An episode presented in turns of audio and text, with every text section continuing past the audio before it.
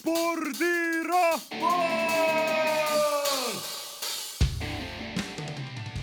tervist, kallid Põltsamaa raadiokuulajad, spordirahvas alustab. mina olen saatejuht Marko Susi ja täna ma ei ole siin mitte üksi, vaid meid on neli. minust paremal on Gunnar Kallari, tervist. Sven Rümmel. tervist. ja Jaak Valdre. tere. tervist, härrased ja rääkige siis natukene endast ka, et Gunnar, alusta sina, miks sa siin oled ja mis sa teed? No miks siin oled, tulin ikka jalka MM-ist rääkima, et eh, tulen Tartust, mängin ise võrkpalli suvel, sihuke amatöörjalgpallur ka ja muidu sihuke suur spordihing. aus mees. Sven. no tervist, olen Põltsamaa mees ja, ja olen lapsest saadik jalgpalli mänginud ja, ja olen lihtsalt suurhuviline. ja Jaak. Noh, ja ma ei ole otse jalgpallifänn, vaid äh, spordivaatleja, noh ja siis vaatan olümpiamänge ja teatud aladeni, muuhulgas ka jalgpalli suurvõistlusi ja neid jälgin siis päris suure mõnuga ise olen ka siit Põltsamaa kandist ja eks ka lapsepõlves sai seda jalgpalli mängitud. selge, aga selleks, et ilusti MM-i lainele saada, siis äkki alustame natukene Katarist üldse jalgpallist, et Jaak, saad, saad särada? noh, kõigepealt ma ütlen seda, et noh, see minu meelest oli see hea, sest ma noh, avaldan ainult oma omi mõtteid, mis võib-olla kõikide mõtetega kokku ei lähe. et see oli hea, et turniir korraldati siis väljaspool traditsioonilist suveperioodi, selle talvel siis ongi rohkem aega jälgida võistlusi, sest ülekanded ju toimusid äh, sellistel aegadel mitte öösel ja mitte varahommikul, vaid täpselt päeva ajal ja suvel võib-olla kõiki mänge ei jõuagi vaadata, on muidki tegemisi, aga talvel see oli ideaalne, tähendab see vaate seisukohalt ja see on minu seisukohalt.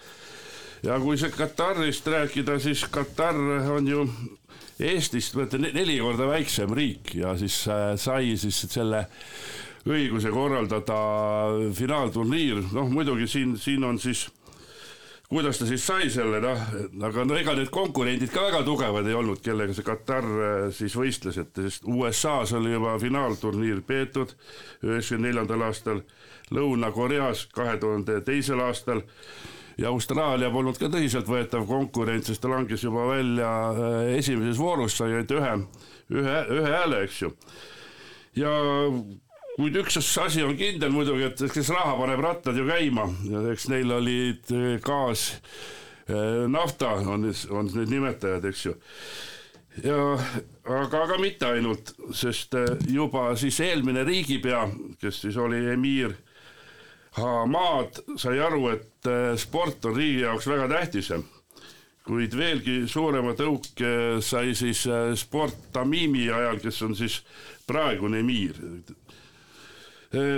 tema on siis selline mees, kes õppis siis äh, Suurbritannias kõrgkoolis, kui ta selle lõpetas, tuli muidugi tagasi Katarisse ja ja sai praktiliselt kohe kroonprintsiks.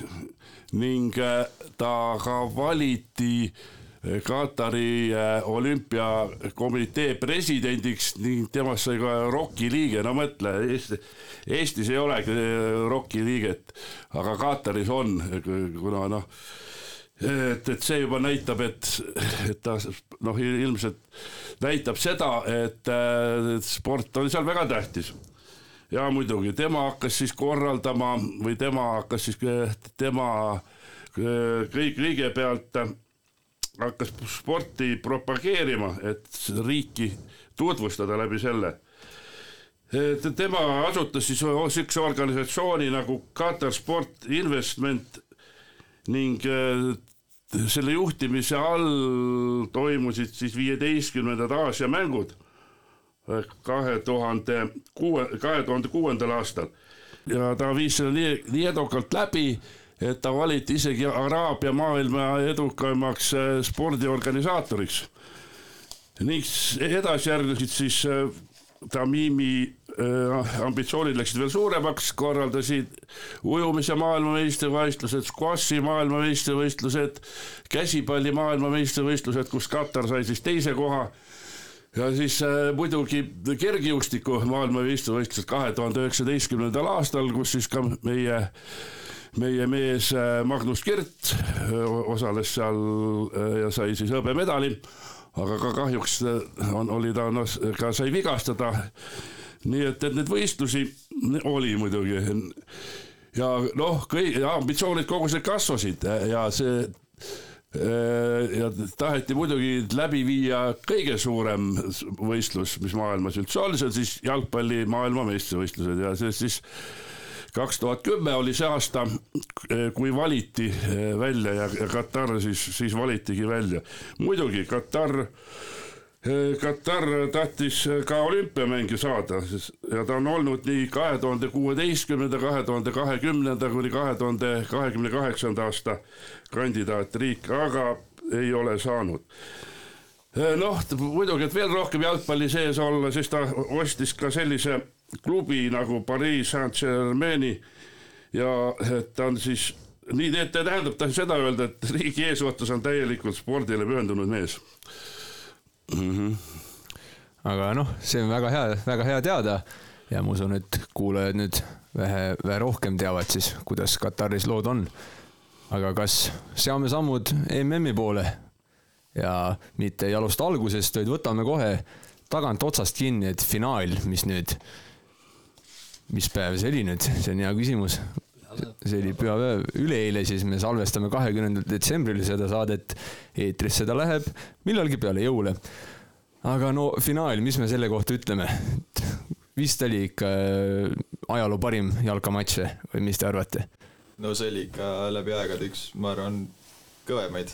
et selles suhtes Argentiina juhib seal tükk aega kaks-null ja enne lõppu tuleb noor poiss Mbappe ja vajutab kahe minutiga kaks järgi ja läheme lisaajale. päris pöörane jah, Sven, mis sa arvad, kuidas, kuidas sul tundus? ei no finaalis oli täitsa kõik olemas, et, et saime lisaaega ja saime penaltit ja, aga ma ei arvanud kordagi, et, et Prantsusmaa siin ei üllata, et, et see võistkond võib kaheksakümmend kaheksa minutit ka rahulikult kannatada ja siis oma võimalused ära tekitada ja suht nii läks ka küll varem, aga, aga ikkagi läks nii ta oli jah, ja kuidas sulle tundus? noh, kuidas siis mina iseloomustan seda finaalmängu, noh, mulle meeldib ka tantsimine väga, siis noh, ma mõtlesin, et kuidas ma iseloomustan siis läbi tantsu. et Argentiinad, argentiinlased surusid siis prantslastele peale tango, mis neid viimaseid siis uinutas, tekkiski tunne, et nii tantsitakse kuni lõpuni, tead aga pärast seda, kui siis äh, prantslaste peatreener Didier Deschamps tegi eriti kõva häält ja võtsid ka prantslased jalad kõhu alt välja ja alustasid oma kankaaniga ja, ja pärast seda läks lahti aga üleüldine rock n roll ausalt öeldes. ja äh, aga ma olin kindel enne seda, kui asi läheb siis penaltiteni, et siis, siis, siis võidavad kindlasti argentiinlased, sest prantslased on penaltiseerias peaaegu alati alla jäänud, et äh, meil, meil on kõigil meeles veel seda, kui eelmise aasta EM-finaali turniiri ajal nad kaotasid siis üks kaheksandikfinaalis Šveitsile ja ka kahe tuhande kuuenda aasta MM-finaal eh,, finaalis kaotasid prantslased penaltiseerias itaallastele eh,. aga need noh, finaal finaaliks, aga siis kuldse saapa võidujooks Messi ja Mbappe vahel, et see on ikka maru kõva värk, et kaks venda finaalis mõlemad, ühel on kaheksa väravat lõpuks kokku, teisel seitse, et mis te arvasite, et no mis, mis oli teie arvamus, et kumb siis selle kuldse saapaga koju läheb? ma olin tegelikult algusest peale suht kindel ikka, et kui neil seal omavahel rebimiseks läheb, et ikkagi Mbappe tuleb ja paneb oma väravad ära sealt Messist ette. no ma isiklikult ikka lootsin, et, et Messi võtab ära et ei uskunud, et, et Mapel seal finaalis nii palju tuleb neid yeah.. et ikka pigem lootsin Messi peale Yeah. ma arvan ka sama, et, et Messi ikkagi lööb rohkem väravaid, aga noh, jah, Pape tegi siis kübaratriki ja läks tast ühe väravaga mööda. see oli jah päris, päris pöörane ikkagi kahekümne kolme aastaselt finaalis tõmmata kübaratrikk ära, et ma ei tea, ma olen kakskümmend praegu, et kui ma kolme aasta pärast finaalis kübaratrikki ei löö, siis ma olen veits untsu läinud mees aga noh, pole hullu. aga üks mees, kes ei ole untsu läinud, Messi, kas see, kas Messi on nüüd läbi ajaloo parim jalgpallur? ma arvan, et praegu võib küll selle debati lukku panna ja et muidugi Ronaldo, Messi, mõlemad siuksed väga kõvad vennad, aga Messil on kahjuks põhimõtteliselt kõik tiitlid ette näidata, mis võita on, aga Jaa. Ronaldol on see kõige magusam karikas tõstmata. nii ta on jah arvatavasti jääb ka. Ja pigem, pigem jääb, kui ta seal pingi lõpus Dani Alvesi mingi manöövri teed ja jah, et me Messi on korjanud eh, neid eri, erinevaid auhindu väga palju. Ja ilm, ilmselt ta soovis ka saada nüüd väravakuningaks, aga ei saanud, noh, tal on veel neli, neli aastat on aega. Ja üks asi on ka Cristiano Ronaldo käes, et on siis viiele MM-il löönud väravat, see on ka siis veel Messil puudu. Ja- aga noh, viimasel MM-il Messi pani seitse väravat, kolm, kolm söötu, et ei ole üldse halb ja noh, seitse Ballon d'Ori ka, ehk siis maailma parima mängija tiitlit ei, ei saa kurta, nagu öeldakse. ja võtsin natuke st- statistikat ka, et Messil on eh, nelisada kaheksakümmend seitse ametlikku klubi väravat, et siin ei ole siis sõprusmänge loetud ja koondise eest on üheksakümmend kaheksa pannud kokku. et noh, Eestile pani ka omajagu, see oli muidugi maavõistlus, aga sellegipoolest ei ole üldse halb. aga, aga kui me, meie jaoks praegu on Messi läbi aegade parim mees, siis kas järgmistele põlvkondadele võib Mbappe olla just seesama mees? kindlasti. võib üheks olla küll, aga eks neid ole teisigi kandidaate jah, et, et, et kui siin noh, kui, kui, kui siin vaadata, kes siin va- valiti ütleme parimaks noormängijaks, noh näiteks ük- üks kindlasti on see äh, Juliano Alvarez äh, keda mina mõtlesin parimaks, aga parimaks muidugi tunnistati vist En- Enzo Fernandez Yeah. et ne- nemad on kindlasti tulevikumehed ja, ja samuti ka portugallane Gonzalo Ramos, keda ma pakun, et ega ta, ega ta halb mees ei ole jah, kaks tuhat üks sündinud, päris hull. aga Mbappe, Mbappe puhul on see väga haige, et kaks turniiri, mees on kahekümne kolme aastane alles ja juba kaksteist MM-väravat. tal on jah neljateist mängu kaksteist väravat ja kolm söötu, Ja et- kahekümne kolme aastaselt, et päris head numbrid, et Messil on kahekümne kuue mänguga kolmteist väravat ja kaheksa söötu, et ja ja Mbappé'l on ka ju viis finaali väravat vist, jah? ja kahe finaali peale kokku jah. ja võrdluseks Miroslav Klose, kes hetkel on MM-i läbi aegade parim väravakütt, tal on kuusteist tabamust ainult. noh, ainult siis Mbappega võrreldes selles suhtes, et nelja aasta pärast Mbappe kahekümne seitsme aastasena ei imestaks, kui tema on, tema on uus MM-i skoorikuningas. jah, kui Prantsusmaa pääseb finaalturniirile, nüüd, üllatuslikult äh, minu see favoriit, keda mõtlesin, Itaalia ei pääsenudki. sellega läks jah luhta veits. aga ma arvan, et Prantsusmaa pääseb ikka, seal tuleb, neid noori tuleb uksest aknast peale ainult noh. Need, need kraanid on täielikult valla, samamoodi Chouameni kaks tuhat üks sündinud ja Kamavinga kaks tuhat kaks sündinud. no Kamavinga nii palju ei teinud see turniir, aga sellegipoolest uskumatu, kus sealt tuleb peale. aga kui noormängijatest räägime, siis inglane Saka oli ka ikkagi, jäi päris hästi silma Jaa. et, et üpris terav oli. samamoodi Jude Bellingham. no seal praegu, praegusel ajal on neid noormängijaid nii palju, samamoodi Bellingham on kaks tuhat kolm sündinud alles. et paneb mõtlema natukene, ma olen nüüd sinna vanusesse jõudnud, kus see, mis teil oli juba mõned aastad tagasi siin, mul, ma olen nüüd seal, et kurat, nooremad mehed minust tulevad ja teevad. see on päris pöörane, aga üleüldse turniir, et eh, kellele te pöialt hoidsite kogu turniiri vältel? Äh, mulle meeldisid tegelikult väikeriigid, et tegelikult Maroko tegelikult võitis minu südame, ütleme ausalt. Et see tahtmine tuhh, mille pealt nad panid, et seal mõni mees jooksis üle poole mängust ühe jala peal, nagu kommentaatorid ütlesid ja et sihuke ei olnud küll kõige ilusam sihuke kaitsemäng ja lihtsalt kaitstes istusid seal, aga ikkagi päris võimsalt, noh, Portugal lülitati välja seal veel punane kaart oli neil all. Ja ja, no see punane kaart oli üldse väga huvitav, sest et ma ei mäleta enam, kes see härrasmees oli, kes selle võttis, aga ta konkreetselt suutis mingi kahe minuti jooksul kaks kollast võtta. ja miks mitte? Pole üldse halb. mina isiklikult kellelegi hullult nagu ei hoidnud pealt, et arvasin alguses, et finaalis mängib Prantsusmaa Brasiilia. Läks natuke teisiti, noh, aga ei ole ka üldse paha variant, noh. ja, ei no mina võtsin pöialt et näiteks Brasiiliale ja et noh, nad ja mõtlesin, et finaalis mängivadki Brasiilia, Argentiina, see oleks nagu minu äh, kõige parem finaal olnud, aga näed, brasiillased kaotasid siis penaltiseerias Horvaatiale, et Horvaatia oli ka väga tubli, et äh, jõudis jälle ütleme medalini. no horvaadid on üldse kolm koma üheksa miljonit või noh, mingi nelja miljoni kanti on inimesi ja kaks turniiri järjest ära teha. Ja nende puhul on selline huvitav fakt ka, et iga kord, kui nad on play-off'i jõudnud, on nad medalil lõpetanud, et samamoodi üheksakümne kaheksandal aastal siis kolmanda koha mängus panid Hollandile kaks-üks ära ja no kõva riik, ei ole midagi öelda. aga noh, mõned jutupunktid siis eh, turniirist, et eh, tegelikult olid ju, enamus mängud olid tasavägised, kui nüüd välja jätta see Portugali ja Šveitsi mäng, kus no Portugal ikka nüpeldas neid Šveitsi poisse, aga muidu üleüldiselt üpris tasavägine, et mille pealt see tuleb?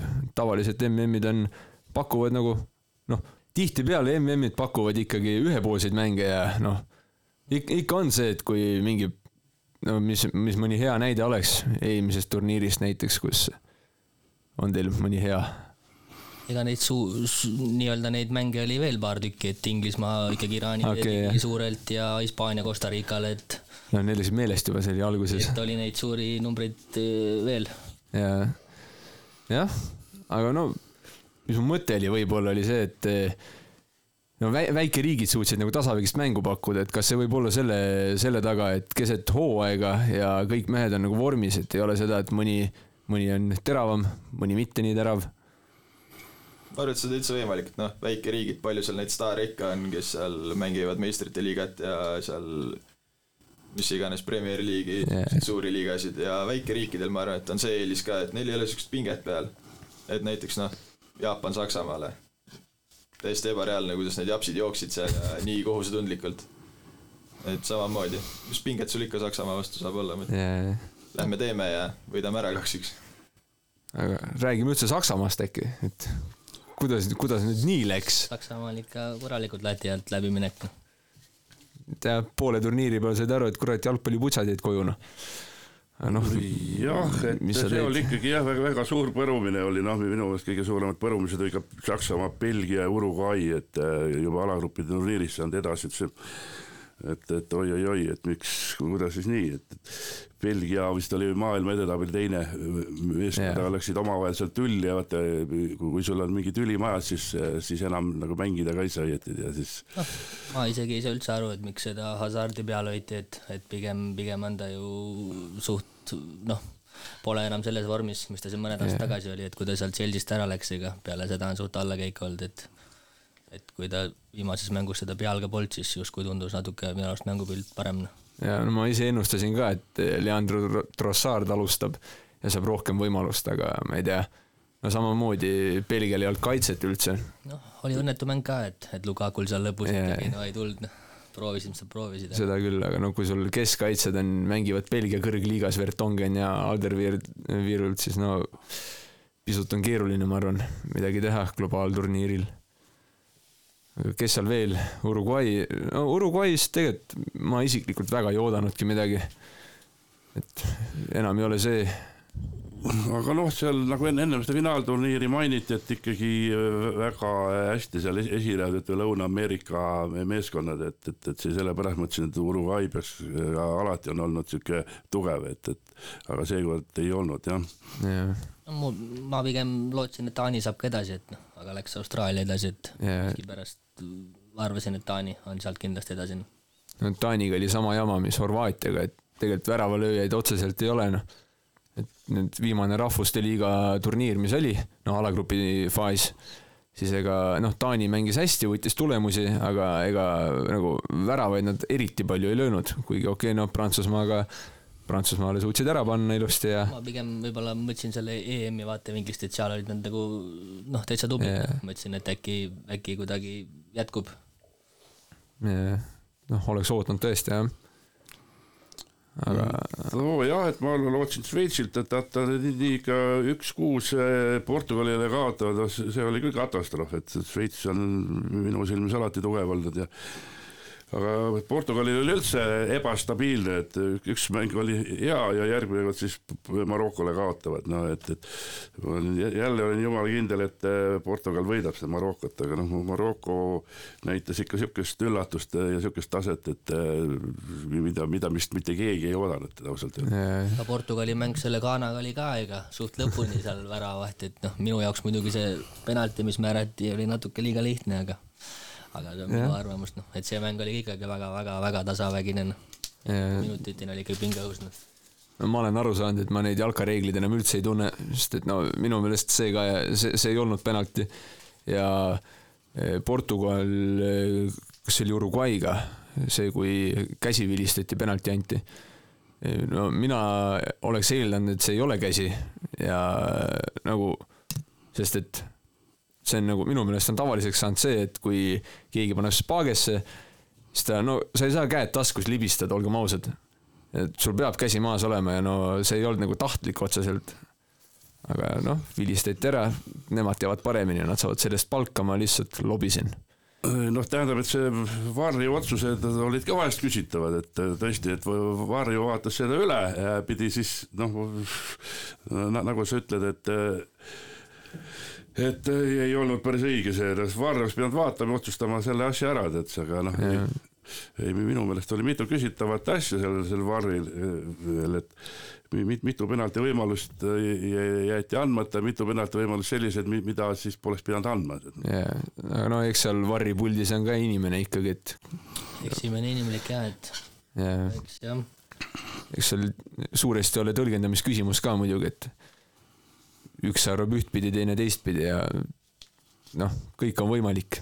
ja jällegi nad teavad tõenäoliselt paremini kui meie, aga alati on hea öelda. aga kas lähme atmosfääri juurde, et kuidas, kuidas teil oli telekast vaadata, et minu meelest veits oli nagu selline nagu teatris oleks.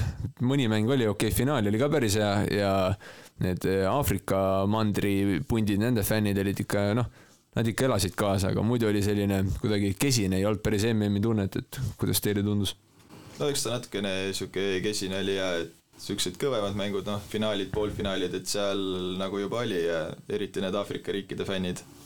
aga muidu siuksed jah, eks fännidel oli noh, arusaadavalt raske ka, et see on, Inglise fännidel oli eriti raske, et õlle ei saa juua ja et eh, pluss veel kõik kallid reisid, mis seal oli inimestel, et eh, ostsid endale tuhande euri eest hotelli ja pandi hoopis telki magama ja, ja siukseid äpardusi oli ka seal päris korralikult. noh, eks ta on ikka nagu alati, alguses ei saa vedama ja pärast ei saa pidama, et noh, esimesed mängud olid tõesti noh, staadionit vaadates oli rahvast vähe, aga aga kui numbrid välja hõigati, siis oli staadionil rohkem rahvast, kui üldse staadion mahutas, et seal oli, küsimusi oli minul see plusspooleks see, et seal alkoholi ka õlut ei müüdud, sellepärast et fännid lähevad jube ärga täis, nagu oli, oli näha seal Maroko fännide käitumine ütleme Pariisis ja Brüsselis. et kui, kui noh, Brüsselis oli väga huvitav see, et see ju võitis Belgiat üks-null, neil pole ausalt öeldes vahet fännidel, kas kaotavad või võidavad, ikka hakkavad laamendama, noh. Et vot see, see on tore, et seal õlut ei müüda, sest ma olen ise ka käinud vaatamas ja ei joo, ütleme seal staadioni peal õlut, sest seal võib minna, minna rüselemiseks.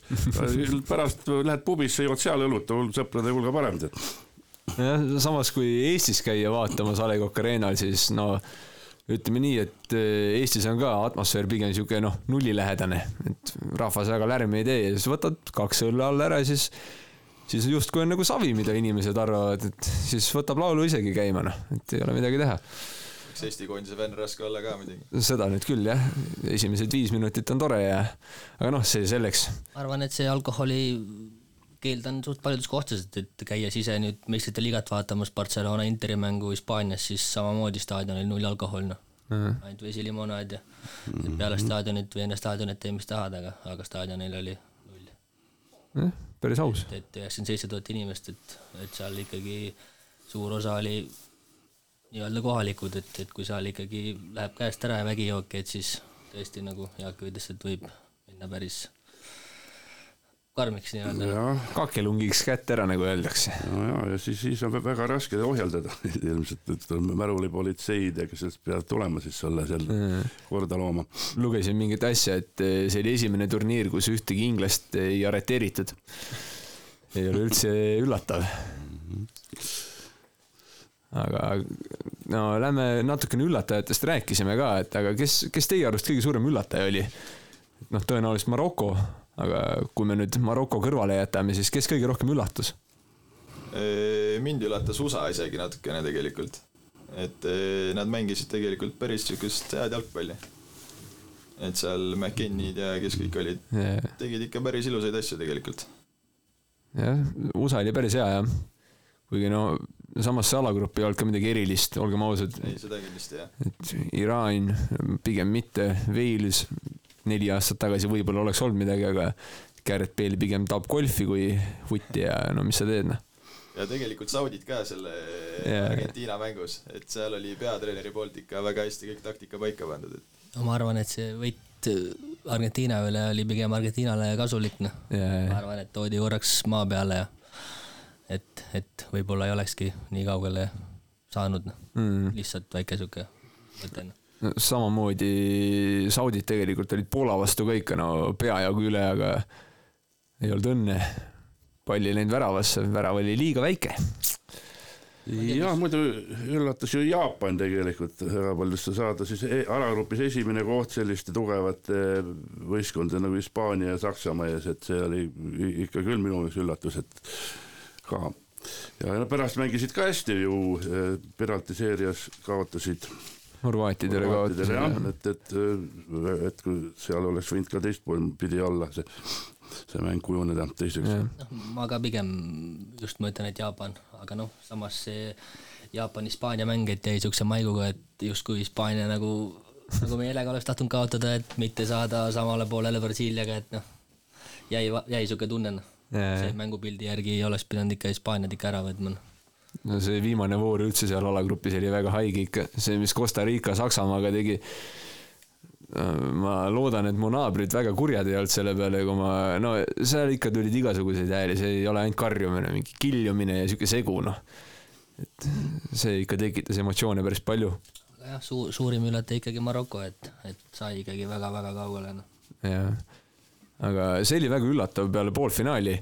marokolaste peatreener, nüüd see nimi on veits keeruline, Regragui on perekonnanimi vist, kui ma õigesti hääldasin, siis ta ütles sellised sõnad, et nemad tahtsid olla finaalis ja see kolmanda koha matš, et noh, kolmas koht on ikkagi parem kui neljas, aga tema, tema peamine mõte oli see, et nad ei ole finaalis, et justkui nagu ei olnudki see kolmas koht enam, ei, ei pakkunud nagu huvi, kuigi no samas ma ei tea mis te arvate, et nagu Maroko-sugusele koondisele kolmas koht ei, ei tekita sellist tunnet, et no nüüd võtame selle pronksi ära ja lähme, lähme koju olema sangarid, et kuidas nagu sellesse suhtuda? no jaa, ma arvan küll, et see oli neil väga tähtis siiski, sest nad pääsesid ju üldse kolmanda riigina väljaspoolt Euroopat äh, Lõuna- ja Ameerikat MM-finaalturniiri poolfinaali üldse, ennem olid siis pääsenud USA tuhande üheksasaja kolmekümnendal ja Lõuna-Korea kahe tuhande teisel aastal, et et see suur au ju ikkagi juba poolfinaali pääsemine, suur au ja tegelikult küll.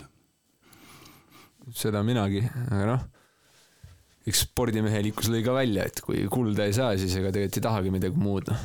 ei, nad ikka võitlesid vapralt, kuni niinimetatud viimse veretilgani ausalt, ega ne- nemad ei, ma vaatasin marokolased mitte mingil juhul ei, ei, ei andnud alla, et Nad kindlasti jah, seda kolmandat kohta tahtsid saada, et nagu ikka öeldakse, esimene kolmas koht võidetakse ja teine neljas koht võidetakse, noh. eks ta nii ole jah.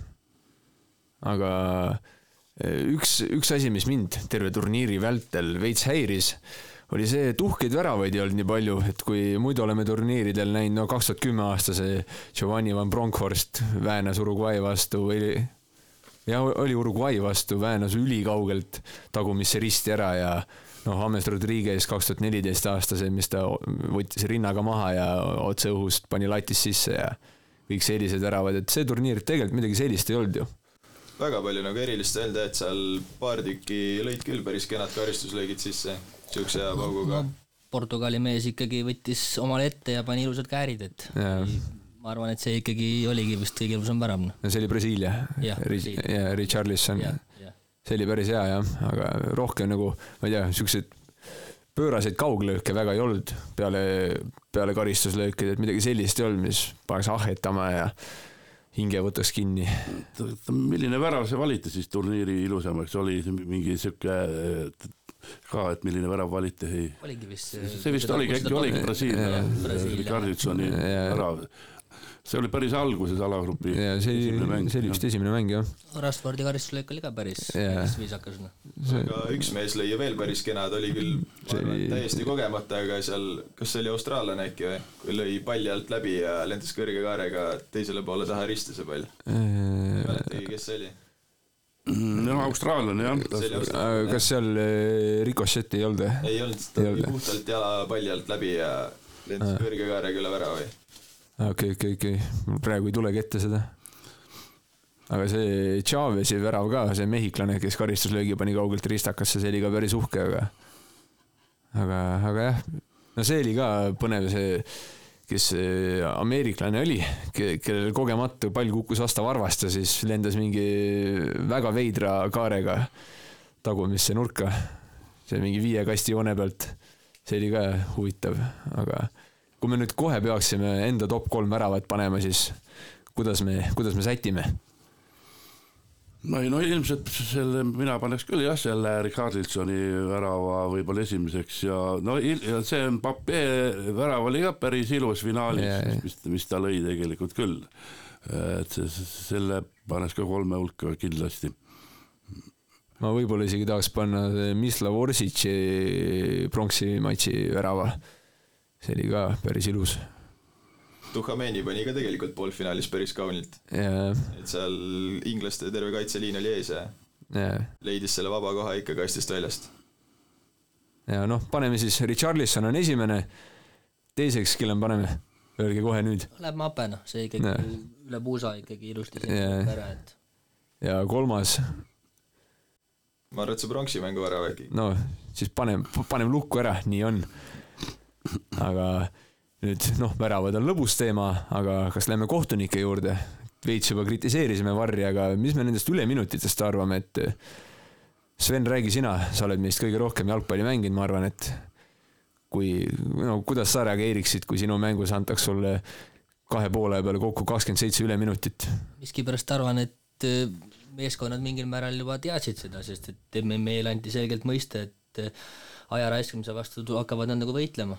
et, et seal neid maasrullimisi ja vigu ja tähistamisi, et, et sealt iga asjaga jälle minut ja, aga ei, minutid olid ikka alguses päris hullud, et kolmteist minutit ja et ikka päris hull. no see oligi Inglismaa-Iraani mängust oli kahe poole peale kokku kakskümmend seitse minutit, okei okay,, esimesel poolajal see Iraani väravaht, no ta sai viga ju ka päris pikalt, teda seal raviti ja et äh, noh, alguses küll vaatad, et kas tõesti ongi see terve see MM-finaalturniir läheb niimoodi, et, et need minutid pannakse juurde, aga pärast õnneks ei olnud enam, et see oli nagu algus. seal eelmisel MM-il oli ka ikkagi sihuke seitse-kaheksa, ikkagi tuli ka üpris tihti, et noh, siin jah, pigem olid need kaksteist-kolmteist, mis siin paar korda tulid, et need ehmatasid ära, et olid ikka päris, päris, päris pikad. aga minu meelest ongi hea, kui teisele poolele panna rohkem, sest et tihtipeale kipub pall olema vähem kui pool neljakümne viiest minutist ainult platsil, et samamoodi eelmine hooaeg, oli vist eelmine hooaeg, kui Manchester United ja Atletico Madrid mängisid, siis oli kokku oli pall platsil, täpselt ei mäleta, aga see oli mingi kuuekümne minuti lähedal ja teisel poolajal oli kakskümmend minutit oli pall platsil, et ega see Hollandi ja Argentiina mängu samamoodi, et kui Holland selle karistuslöögi pani, et olid päris head üleminutid juba, et ja pinge oli päris hull, noh. See oli jah, päris hea. see värav oli ka tegelikult öö, oma, noh, omal moel väga ilus, see Veekhorsti see, oma see. oli ikka kuskil trennis läbi mängitud asi yeah., et seda ikka niimoodi MM-il ei pane puusalt, et et sealt ikka ootasin, mina ootasin ikka lööki, aga yeah., aga tuli il- ilus hea sööd, see oli päris kaval. seal mängus jagati ju kollaseid kaarte kõike isuga, No mis seal oli viisteist, kuusteist või see vist oli jah, sinnakanti, et seal läks päris inetuks ära see asi lõpus juba. mm.. huvitav, mis see rekord on üldse, palju neid kaarte on öö, jagatud? vaatame kohe. küsimus, noh. aga selle lisa pikkade lisaaegadega tehti ju ka mingi uus rekord, et kõige hilisem löödud värav, noh, ma muidugi ei mäleta, mis mängus see oli või kus, kuskilt ma mingi hetk seda nägin, et et tuli siis justkui nagu uus rekord, noh. Ma praegu otsisin natukene kaks tuhat kuus aasta EM-il Venemaa kohtunik Valentin Ivanov andis neli punast kaarti ja kuusteist kollast kaarti. et punaseid anti nagu vähe, ei olnud väga palju. see MM ei olnud jah väga palju neid. oli äkki, kui ma õieti mäletan. no see Abu Bakar, see Kameruni mees, see on ikka legend, see legendaarne poiss on kollane all juba ja siis. kuule, kas finaalis ka anti vist punane või? ei antud, finaalis ei olnud. ei tule ka ette praegu aga see Abubakari see jah. sai nagu kaks, keegi sai kaks kollast kaarti, näitas punast, mul läheb see nagu silme ette. vot kohe, kohe võtan lahti selle, vaatan. kohe saame teada. Aga lähme senikaua mm, -hmm. võtame turniiri parimad autasud ette, et eh, kuldse palli ehk siis noh, parima mängi tiitli sai Messi, hõbepalli sai Mbappe ja pronkspalli sai Modric. ja noh see on nüüd küsimus kõigile, et kas Modric on nüüd selle sajandi parim poolkaitsja, kui sa vead oma koondise, sa viid Horvaatia koondise hõbemedalini ja siis järgmisel aastal või noh, järgmisel turniiril viid pronksile, et kas, kas on, kas on õige öelda, et Modric on selle sajandi parim, ka Xavist ja Iniestast eespool? no eks ta siis on ilmselt, et kui, kui, kui ikkagi on viinud oma koondise äh, medaliteni ja ta on saanud veel ka maailma parimaks äh, mängijaks valitud. jaa, noh, kuigi Xavi ja Iniesta said neli meistrite liigat ja ja Hispaania liiga tiitleid oli ka neil oi kui palju, siis no ma arvan, et ma arvan, et pigem on Modric nüüd selle sajandi parim mis te arvate? seal ma arvan, küsimust ei olegi, et no härra on ikkagi, mis ta on, kolmkümmend seitse juba yeah.. ja paneb ikkagi seal ikka päris võimsaid minuteid ja see klass on tal ikkagi minu arvates ebareaalne. see on pöörane jah. ei, peab nõustuma jah, et, et läbi, jah. noh, kuigi Xavi ja Iniesta olid eh, tipus olid kauem, sest et no Modric läks Reali alles kahekümne üheksa aastaselt ja algus oli päris, päris rabe, et valiti kohe esimese aasta halvimaks üleminekuks. siis no Xavi ja Iniesta olid juba mingi noh, nad olid juba päris varakult, Xavi alustas juba Partsa eest eelmisel sajandil. ja no Iniesta oli ka selle sajandi alguse poole juba, hakkas tegusid tegema. noh, mingi viisteist hooaega umbes tipus nad olid. Aga noh, Modritši näitajad on paremad ja no Ballon d'Or, sellest ei saa üle ega ümber, noh.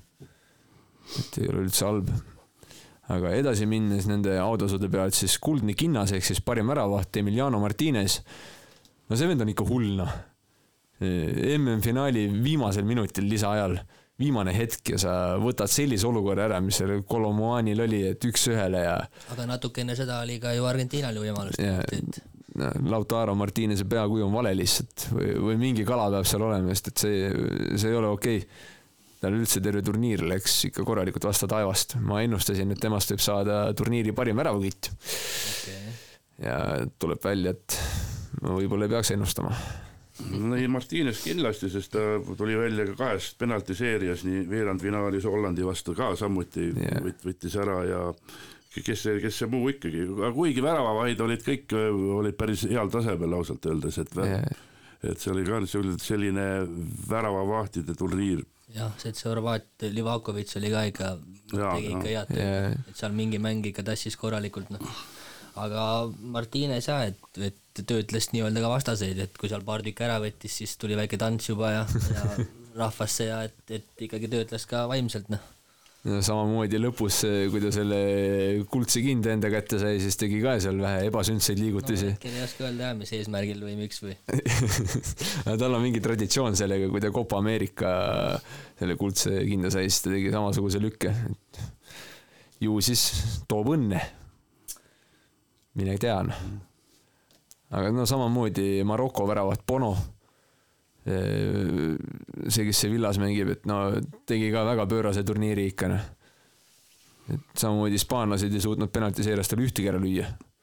et mis nii viga mängida noh. hispaanlased on viimased kolm finaalturniiri penaltit kaotanud, et, et kui see penalti peale läks, ega siis ma ei, ei lootnudki väga, et sealt tuleb midagi noh ja ei pidanud pettuma noh seda mängu ma ise ei näinud otse, vaatasin järele pärast, siis no veits, veits, veits võttis meele kurvaks, et no ei näinud.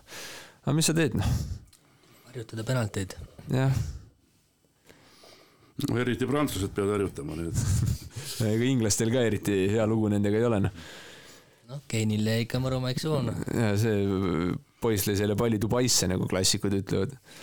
et ma tean, et väga paljud panid tema kõige suuremaks väravakütiks, noh. ma ei tea, mul ei ole kunagi ei ole Inglismaa, pole nagu Inglismaa poolt olnud, et, et, et pigem ka mitte seekord. Noh. no ma, ma olin nende poolt, aga no reeglina mingi Rashfordi ja selliste meeste pärast. aga Keinil läks jah, ventiili pidanud, ütleme nii. aga, aga parim noor, Enzo Fernandez, et see, see oli päris lahe. et ma ise ei oleks oodanud, pigem Chouameni või keegi selline, et et noh, ma ei tea. aga, aga äkki, äkki tuleb temast ka nüüd suur mängumees, et võrdluseks viimased, viimased parima noore, noh, üleüldse, kes seda võitnud on, seda auhinda, et viiekümne kaheksandal aastal võitis Pele, seitsmeteistaastaselt siis. ja Franz Beckenbauer võitis kuuekümne kuuendal aastal. siis kes siin veel kõvad nimed on? noh, Mark Overmars üheksakümne neljandal aastal ja üheksakümmend kaheksa võitis Michael Owen kaks tuhat kaks oli Landon Donovani kord, kaks tuhat kuus võttis Lukas Podolski, kaks tuhat kümme Toomas Müller, kaks tuhat neliteist Paul Pogba, eelmine mm võitis Kylian Mbappe ja nüüd siis Enzo Fernandez. et päris kõva. ehk tuleb temast ka selline mängumees, et ei ole üldse halb selliste, selliste nimedega ühes padas olla ühes pajas. no ma võib-olla räägiks nagu spordiajaloo suure huvilisena sellest pidulikust avatseremooniast ka natukene, et, et, et see oli nagu jah, mis, mis mulle väga meeldis, ma vaatan kõiki pidulikke avatseremooniaid ka et, et, et ja see, see oli väga huvitav, et välja oli toodud nagu kõik maskotid alates esimesest, kelleks oli siis tuhande üheksasaja kuuekümne kuuenda aasta finaalturniiri Lõvi Villi, siis kui see, kui Inglismaa ainsa korra on siis võitnud MM-kulla, et jah, et kui tavaliselt on maskotideks loomad või poisid, siis Kataris äh, oli selleks siis kutra, mis on siis araabia meeste traditsiooniline pearätik, mis on selles kliimas siis asendamatu, eks ju. seda kaitseb nii kuuma kui ka liivatormi eest. ja noh, kuna ma jälgin ka neid olümpiamänge väga pingeliselt, siis on, siis on, ma olen päris kindel, et kahe tuhande kahekümne neljanda aasta Pariisi olümpiamängude maskott, mis on siis Früügia müts, see on siis vabaduse sümbol, valiti just Katari jalgpalli MM-finaalturniiri eeskujul. et äh, selline, selline sümbol ja et see, see oli päris huvitav, see avatseremoonia, minule tähendab. ma vaatasin ka seda ja äh, see oli kuidagi noh, huvitav kogemus oli aga sel hetkel ma veel olin väga skeptiline selle turniiri suhtes ja siis ei, siis jättis ikka väga külmaks, et mõtlesin, et see on veits tsirkus mm, no ei no iga, iga suurturniiri avatseremoonia on riigi nägu, kus peetakse ja see avatseremoonia oli Katari nägu. no selle osa panen sinna algusesse, see on hea, pärast saab maagiat teha. aga noh, selle turniiriga oleme vist enam-vähem ühele poole jõudnud, aga ehk seaks natukene vaatluse alla ka järgmist EM-i, mis tuleb nüüd kahe aasta pärast ja siis nelja aasta pärast MM on eh, Ameerika mandril, Põhja-Ameerikas siis, Põhja- ja Kesk-Ameerika.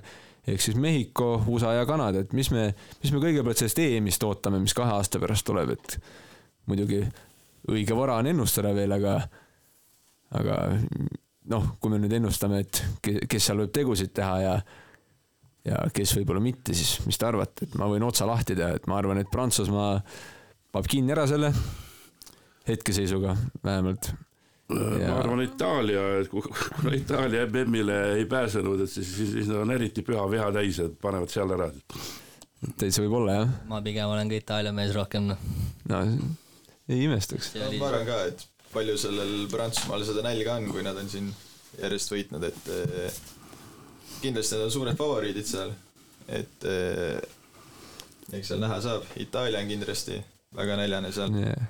no ega Portugalil ka tegelikult mehi on ja noori mm., et, et see on ka ikkagi, võib sealt ka samamoodi Inglismaalt võib tulla tegelikult, kui Sven lihtsalt raputab pead paaniliselt ei ole Inglismaa jaoks kahjuks. seda küll, aga no tegelikult nagu materjali seal on, aga kui Southgate jätkab tipus, siis no ma ei tea, noh, see, sealt ei tule midagi.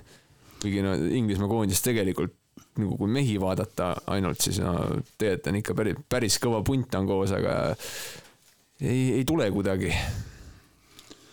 noh, seal on natuke see, et, et on MM-il ütleme jah, järgmisel MM-il, mis kaks tuhat kakskümmend kuus on siis kolmes riigis on nüüd nelikümmend kaheksa meeskonda finaalturniiril, et noh, natuke paneb imestama mind vähemalt, et et miks nii palju, et mis te arvate või miks, miks seal nii palju peaks olema neid? ei tea, see on, see läheb väga mõttetuks ära, ma arvan, Ahah. siis on äärmiselt palju neid mänge, kus ongi mingi Inglismaa-Iraani laadne asi, kus sõidetakse ühest pundist üle ja eks see algus ongi siis igav lihtsalt. jah, aga ma midagi lugesin või kuulsin mingit kõlakat, et nad eh, ei ole veel nagu täiesti kindlad, kas tuleb nelikümmend kaheksa satsi, et kas nad hakkavad seda formaati muutma ja ma väga loodan, et veel mitte, sest et no see on totrus. Samamoodi nagu see kaks tuhat kakskümmend viis aasta klubide mm, no milleks noh, nagu ma ei tea, see on, see nagu võtab veits võlu ära, kui hakkab iga suvi mingi suur turniir olema. Ja mängijad ka ei, ei kesta ära seda niiviisi. Noh, siis, siis võib-olla on jah, Eestil ka veel mingi võimalus saada nelikümmend kaheksa. kahekümne aasta pärast, siis kui on mingi kuuskümmend punti juba, siis, siis on meie, meie aeg. ja, ja siis, siis kindlasti jah, aga aga nüüd ka võib-olla nelja aasta pärast, noh, kuidas nad mängisid siin nüüd, et äh, Walesiga mängiti ju viiki null-null ja et, jah, et, et nagu- ja saadi nel, neljas koht, eks ju, Valgevene tahapoole. no Belgia vastu valikmängus läksime isegi kodus juhtima ju. Mattias Käit pani ära, ma olin ise staadionil, siis ma mõtlesin, et ah nüüd tuleb ja siis Lukaku hakkas mängima, mängis kuuse vastu nagu kossu mängis, võttis pukki lihtsalt ja keeras ära ja no ma käisin seda mängu, käisin Brüsselis vaatamas, kui Belgia Eesti mängis, et sealt äkki oli tookord kolm-üks kaotus või? eks see Lukaku päris suur poiss kah, keda seal ja kaitses üksi või kahekesti isegi vaadata. ütlemata pirakas mees jah. normaalsed gabariidid, nagu öeldakse ikka suur poiss jah. jah. aga mis te arvate, kuidas eh, järgmise MM-i korraldajamaadel läheb, et kas eh, no ma arvan, et USA võib teha küll midagi, noh, neid vähemalt ei kritiseerita nii palju kui seda Katari, see on, see on sada protsenti kindel, et aga see ka- ka-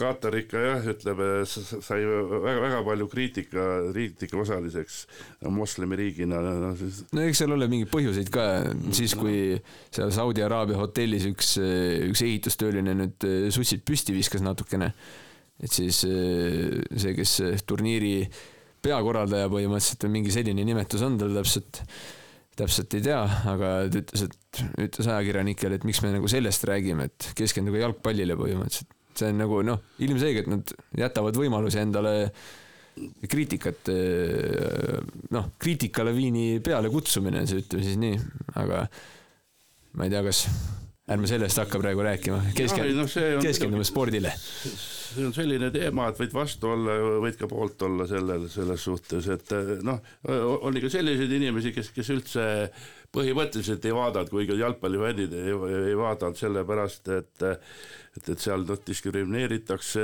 ja no, et on saadud altkäemaksuga see Jaa. MM-finaalturniir. aga no mind nagu ausalt öeldes või noh, et, et ei, ei väga ei häirinud, kui tahad ikka vaadata mängu, siis vaatad, et noh, no täpselt, kuigi noh, eks ikka kuklas veits häirib see, isegi rohkem kui veits, sest et noh, see on probleem, aga lõppude lõpuks sport on sport ja me, me vaatame ikkagi jalgpalli.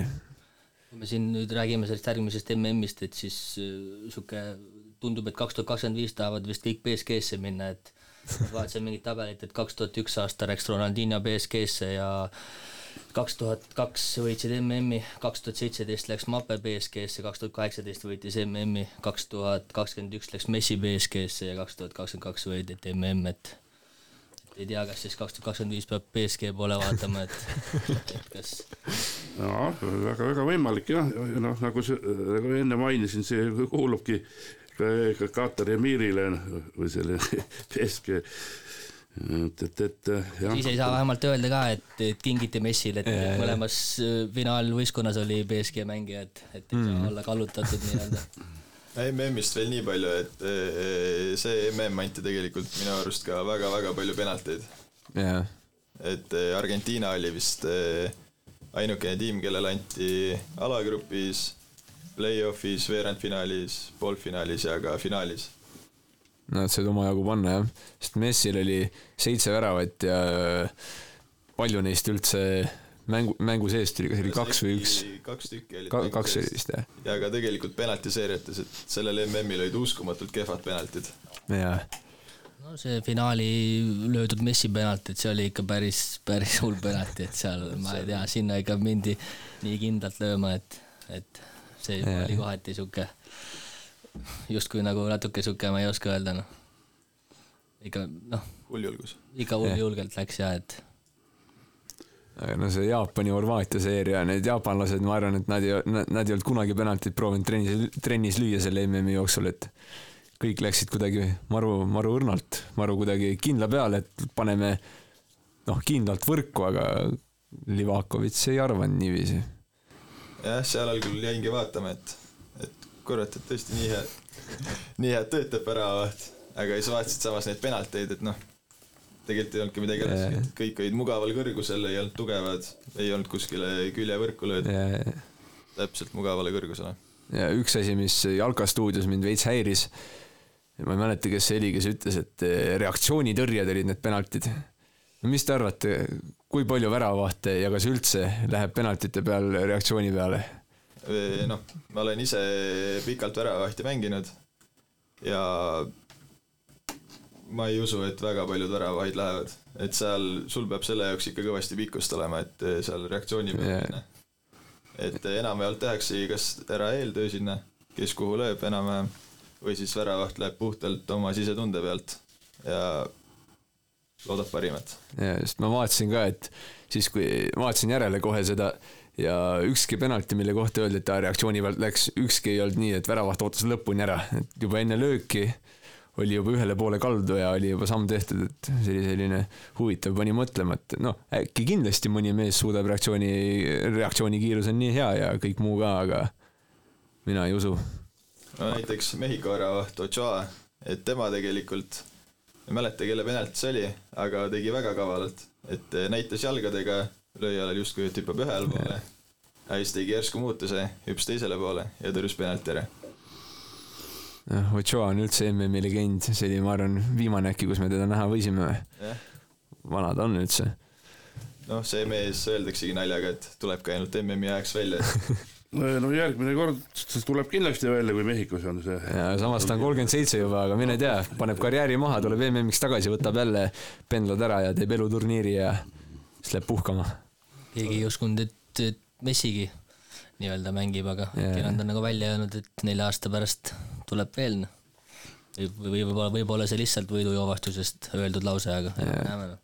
aga no mis te arvate siis Cristiano Ronaldost, et, et te- te- te- temal küll ebaõnnestus ta täielikult see ja, ja mul oli jube hea meel, et ta siis, siis kui ta välja võeti ja teda asendas see Gonzalo Ramos, kes kes väga edukalt asendas, et siis, siis nad võitsid tead, aga Jaa, jaa. Ronaldo oli sees, siis kaotati või mul mul on ka Ronaldoga see, et ma ise olen Manchester Unitedi fänn ja üldse ei salli seda meest.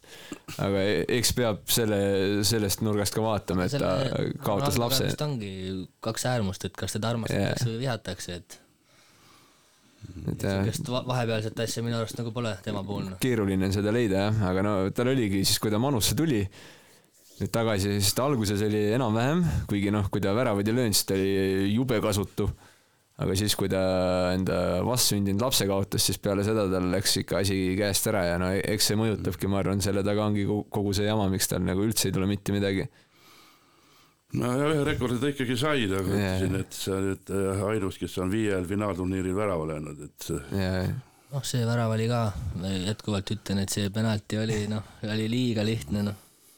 noh, pisut kingiti jah talle, aga noh, rekordiraamatutesse läheb kirja ja kes see kahekümne aasta pärast mäletab.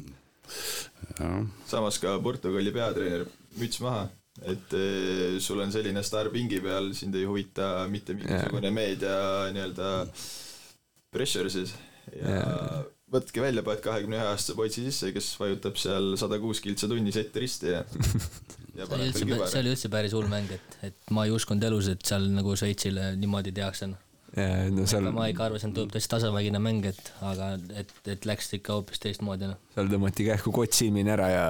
no see esimene värav, see tuli ka ikka noh, see tuli ei kuskilt ütleme yeah..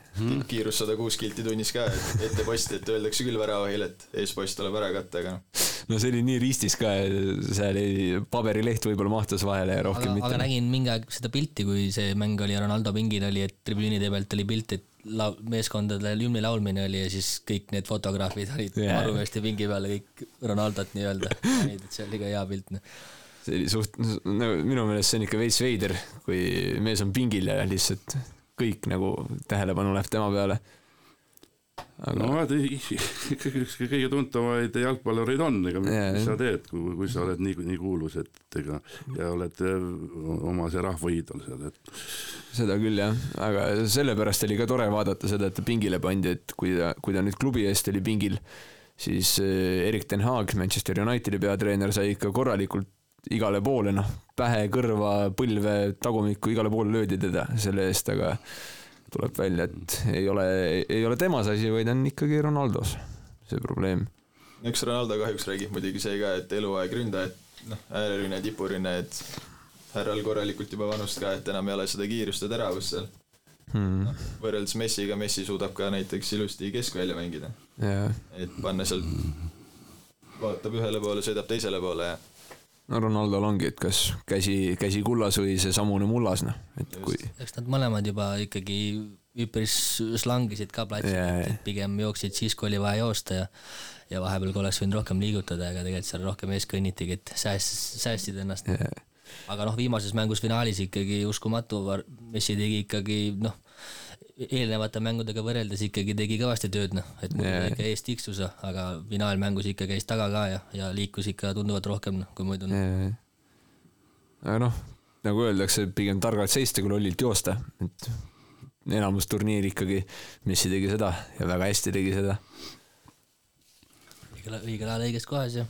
noh, täpselt no ta räägiks võib-olla ennustusest ka, ma siin ah, tegin Põltsamaa valla sõnumites ennustusvõistlused, kuidasmoodi ütleme rahvas siis pani, et keegi, keda nad siis nel, nelja hulka, või keda ei pandud kindlasti, on siis Maroko ja ega ka Horvaatiat ei pandud, et ja keegi, et põhiliselt ikka oli see Brasiilia Argentiina, Prantsusmaa, Inglismaa olid, olid sellised, kes olid nelja hulgas. Yeah ja finaali pandi siis ikkagi kas siis Brasiilia, Prantsusmaa, Brasiilia, Prantsusmaa, Argentiina olid no need, et kelle peale siis äh, rahvas ka panustas ja, ja kes siis lõpus, äh, lõpus siis jah, panid siis Argentiina, need siis võitsid selle ennustusvõistluse. ma ise ennustasin seda, et kui Horvaatia saab alagrupist edasi, on nad medali peal ja võib, nüüd ma teen pai endale, et ei näe seda, aga ma normaalselt paitan ennast, sest et läks päris täppi, võib rahule jääda.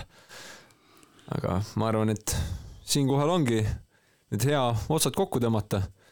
oli lõbus tund aega jalgpallijuttu ja suured tänud teile, mehed, et tulite ja, ja ilusat jõuluaega teile, mis nüüd paari päeva pärast ka pihta hakkab.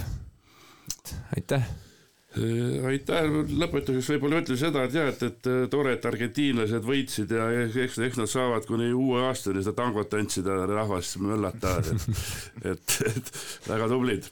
täpselt, aga aitäh teile ja nägemist, nägemist.. nägemist.